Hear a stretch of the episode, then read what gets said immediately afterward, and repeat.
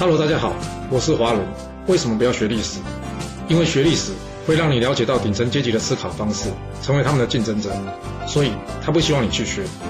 还有学历史会让你看到许多前人成功及失败的案例，你的竞争对手想要好好的睡个觉，所以他也不希望你去学。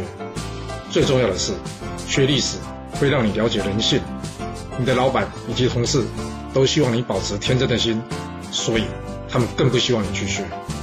就是因为这些原因，接下来我要跟你说的是故事，而不是历史。今天主题是帮助人，不要祈求会有回报，要不然痛苦的会是你自己。之前呢，在电视上听过一个名人曾经说过一句话，他话的大意呢，大约是说他从来不借钱给朋友，他听到朋友有困难呢，是直接拿钱给他们。要向你开口借钱的，就不算是朋友。而等朋友开口，你才愿意借的呢？你也不够朋友。其实我的父亲虽然没有受过正统教育，但是他也很认同词典。我只见过他拿钱帮助过朋友，但从来没有看过他呢跟人家要什么借据。他常常跟我说啊，借钱给朋友就少了一个朋友。帮助人要看自己的能力。若是你真当他是朋友，在能力所及的范围内呢，他呢会主动帮他，而不是等他开口。既然是心甘情愿帮人呢，就不要期待有回报。这也跟我们今天要说的故事一样。春秋时期啊，晋国发生了饥荒，旁边的邻国秦国呢，他的国君叫做秦穆公啊，在大臣的建议下，决定送出粮食给这晋国来帮助晋国。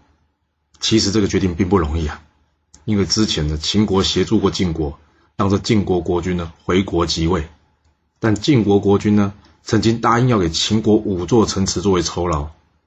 不过呢，这晋国国君他刚刚回国啊，他一上任椅子都还没坐热，就不守承诺了。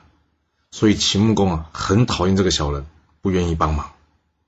晋国国君是坏蛋，但是人民是无辜的，所以最后在秦国大臣的建议之下，秦穆公呢，还是决定送了一大堆的粮食给这晋国赈灾，成为很有名的泛舟之役。风水轮流转啊，隔年换秦国出现饥荒啊。而这晋国呢，则是丰收。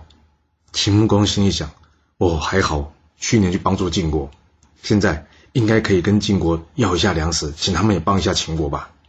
但是他万万没想到啊，这晋国竟然拒绝了，而且晋国还怎么样？打算联合附近的国家来攻打秦国。哇，真是名副其实的趁他病要他命啊！秦穆公听到这消息啊，气得决定怎么样出兵一战。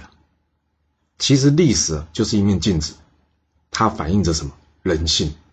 别说是古代了，就算是现代，忘恩负义的人啊，也常常见到。所以你千万别以为你帮了人家，人家就一定会报答你。我们只能说哦，若是你帮忙的人多了，得到报答的机会可能也会变多。不过就是这样而已。不过呢，人还是要多多行善啊。所谓善有善报嘛，或者说积善之家必有余庆啊。你看上面这故事，秦晋大战的结果，原本这秦穆公呢，差点在战场上啊被晋国给抓到了，但是后来突然出现了什么？三百骑兵，将这战局给扭转，秦国怎么样，反而反败为胜。而这三百骑兵之所以不顾生命呢，浴血奋战，就是因为之前啊，他们怎么样？偷了秦穆公的马来吃，秦穆公不但没有责怪他们，反而觉得自己让人民呢没有吃饱饭是自己的过错。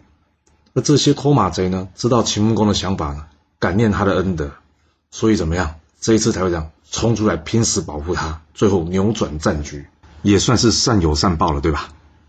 在现实生活中啊，真的是雪中送炭啊，非常罕见，但落井下石的却非常的多。所以一旦你有需要，需要请人家帮忙的时候，还是必须衡量一下双方彼此的利益，不然你以为人家是来报恩呢？人家可能却认为你是自己引狼入室，活该倒霉嘞，这就得不偿失了，你说是吧？要是你有更好的想法，也欢迎你留言及分享哦。好啦，我们今天先说到这。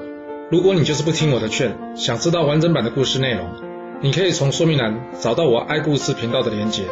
不过记住哦，你是来听故事的，而不是来学历史的。要是您喜欢这个频道，麻烦您动动您的手指。追踪留言，或是给我五星评价的支持以及分享，谢谢您来收听，我们下次再见。